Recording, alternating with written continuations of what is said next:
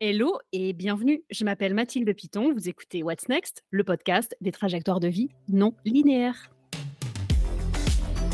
Merci de me retrouver après cette pause estivale. Si vous écoutez ce podcast dans l'ordre de sortie, vous avez peut-être remarqué, j'ai fait un break.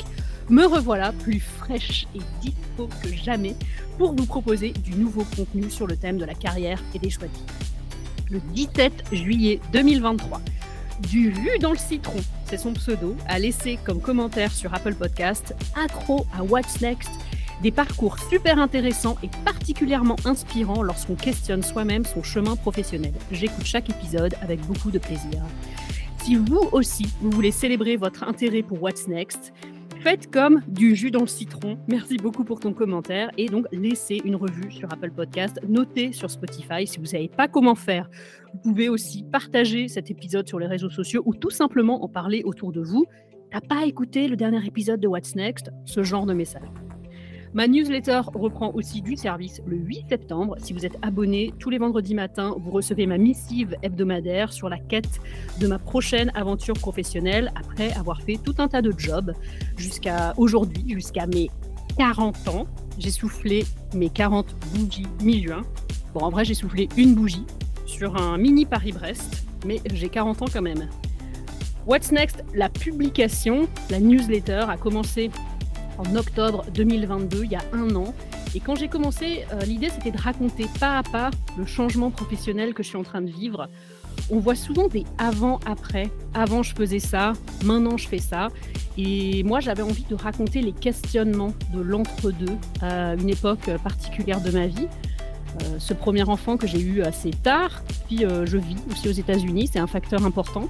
Je vis ici depuis plus de dix ans et ça compte aussi. Donc le brouillard se désépaissit petit à petit et ce cheminement, bah, je vous, invite à le lire ou à l'écouter car je lis aussi mes newsletters dans What's Next.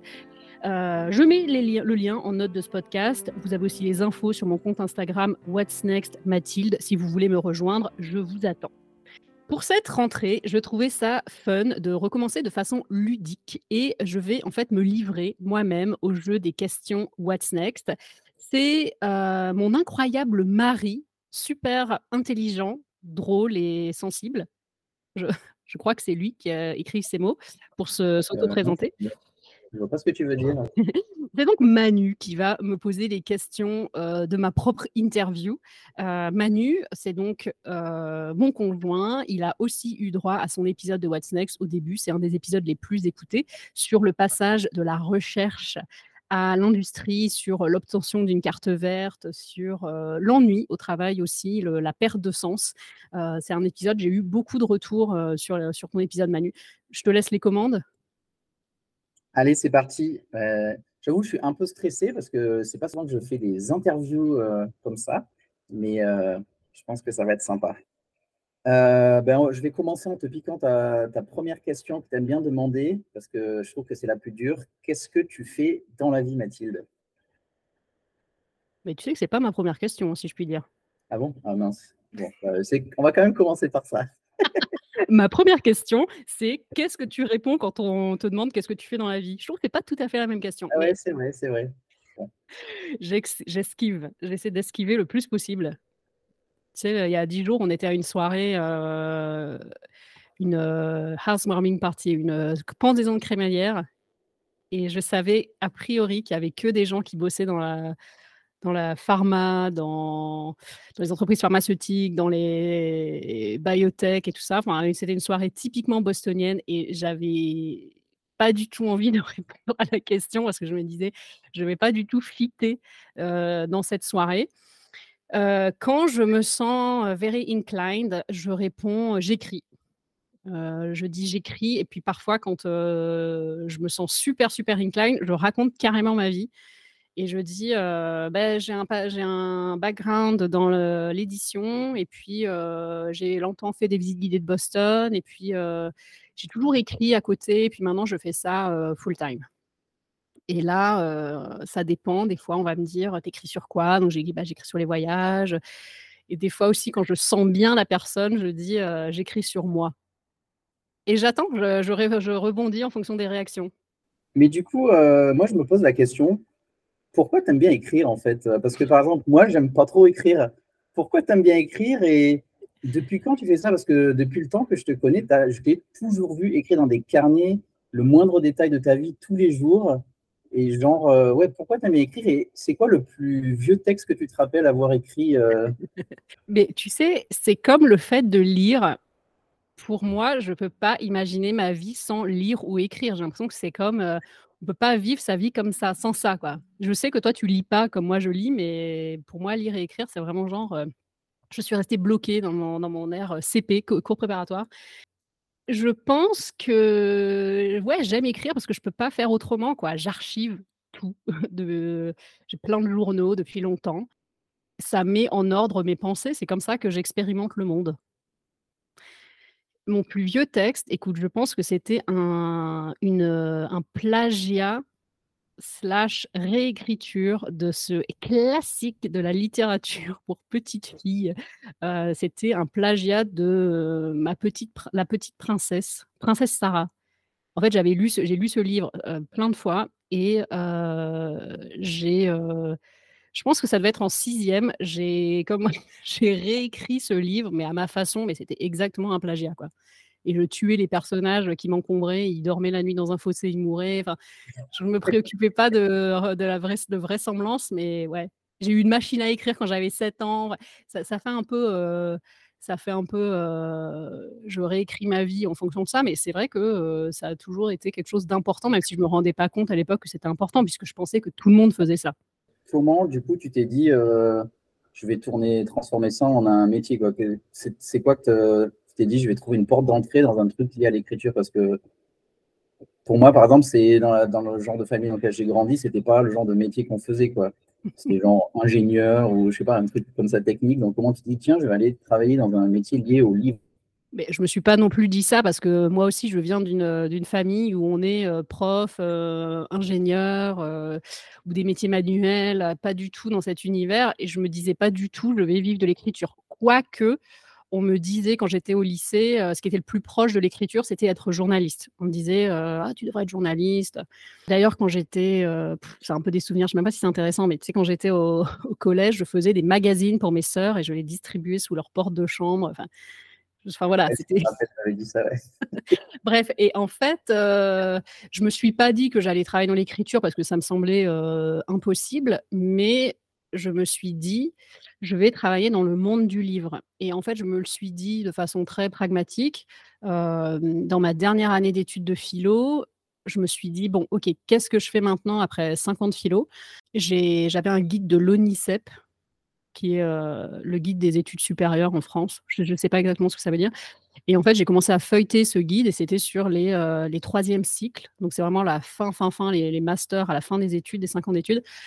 Et en feuilletant, je me disais, OK, qu'est-ce que je peux faire? et, j'ai vu ce mot édition. Je ne savais pas très bien ce que ça voulait dire. J'ai vu qu'il y avait voilà, 4-5 masters à Paris, à Angers, à droite à gauche. Et j'ai commencé à voir comment on pouvait faire ça. Je me suis intéressée à ça. Et c'est à, ce moment-là que je me suis dit, ouais, en fait, je crois que c'est ça que je veux faire. Je veux travailler dans l'édition. Et il y a toujours un truc quand tu veux travailler dans l'édition et que tu présentes des concours, euh, des examens, des machins pour rentrer dans des masters, on te dit toujours, il ne faut surtout pas dire, de tout temps, j'ai voulu travailler dans les livres. Alors tu sais que dans les dissertations en France ont interdit d'écrire de tout temps. De tout temps, l'homme a réfléchi sur euh, la liberté. Moi, j'ai jamais compris ça parce que des fois, tu as envie de dire de tout temps, euh, il s'est passé ça. Quoi. Mais... Oui, carrément, tu as tout le temps envie de dire de tout temps, l'homme. En fait, oui, c'est un, un, un, poncif interdit dans les, dans les dissertations. Et en fait, moi, effectivement, je pense que de tout temps, j'ai aimé les livres, mais j'avais pas le droit de le dire quand j'ai voulu faire un master d'édition. Donc, il fallait trouver des, des, des, des détours pour dire pourquoi tu avais un intérêt concret pour euh, faire des livres. Genre, j'adore vendre des livres, le business euh, me passionne. Ouais, ce genre de choses. Ou, ouais, je sais même, sais même plus en fait ce que j'ai fait quoi. Mais, mais ouais, j'ai vu ce truc d'édition. Et euh, dans ma dernière année d'études, euh, j'ai présenté tous les concours. Enfin, tous les concours. J'ai présenté, j'ai déposé 5-6 dossiers dans différents masters. je pense principalement à Paris, mais je pense qu'il y en avait un aussi à Angers ou à Tours. Ouais, donc tu fais ton master et euh, tu fais ton stage et tu arrives à rentrer dans une maison d'édition, ce qui est quand même super cool parce que c'est n'est pas facile. Et, mais là, problème, tu es avec moi en couple et moi je te dis, j'aimerais bien partir ailleurs, vivre à l'étranger. Donc on en parle, on se dit qu'est-ce qui pourrait être un pays sympa, qui ferait comme une, vraie expérience de vie à l'étranger, un peu original pour nous. Et on se dit, OK, on part, on part aux États-Unis. Et du coup, comment, euh, comment ton parcours d'écriture, là, comment tu dis, mince, qu'est-ce que je vais, qu'est-ce que je vais faire euh, dans ce nouveau truc, alors que tu venais juste depuis combien de temps? Tu as fait deux ans ou trois ans chez la Ouais, trois ans, ouais, trois ans et demi, je sais plus, ouais. J'étais jeune. C'est un peu de, de t'établir dans ce domaine-là. Et là, euh, c'est back to the drawing board, on recommence à zéro. Comment, comment tu te dis, ouais, je vais, je vais essayer de continuer dans l'écriture, mais bah, déjà, je me disais pas, pour moi, j'équivaut pas travailler dans l'édition et l'écriture. C'est pas, pas, pour moi, c'est pas la même chose. Mais comment j'ai voulu continuer ma carrière en partant vivre à l'étranger En fait, je pense, je me l'explique de deux façons. Un, je me l'explique par moi, donc j'avais un rêve quand, j'avais 25 ans, c'est d'avoir un CDI, un contrat à durée indéterminée. C'était pour moi l'achievement, l'accomplissement ultime d'une vie professionnelle. Et effectivement, j'ai eu ça et dans une maison dans une maison d'édition qui était, euh, qui avait beaucoup d'avantages sociaux. Enfin, on avait il y a toujours ce truc, on avait 9 semaines de vacances par an. Enfin, c'est un truc de fou, quoi. Super CE. Enfin, j'avais l'impression que c'était, j'étais genre, j'étais j'étais calée, quoi. J'étais set for life.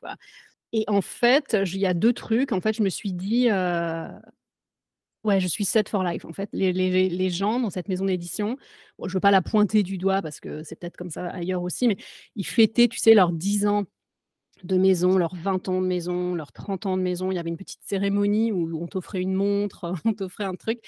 Et je me j'ai commencé à me dire: «Ah ouais, quand même, c'est ça, en fait, je vais faire ça, moi, je je vais attendre d'avoir ma montre cadeau des 10 ans, ma montre cadeau des 20 ans et des 30 ans» et je trouvais pas ça mal en soi, mais il y avait un côté que je me formalisais pas, mais un peu, heu, je me disais: «OK, voilà, c'est voilà, c'est ma vie, elle est toute, elle est toute tracée».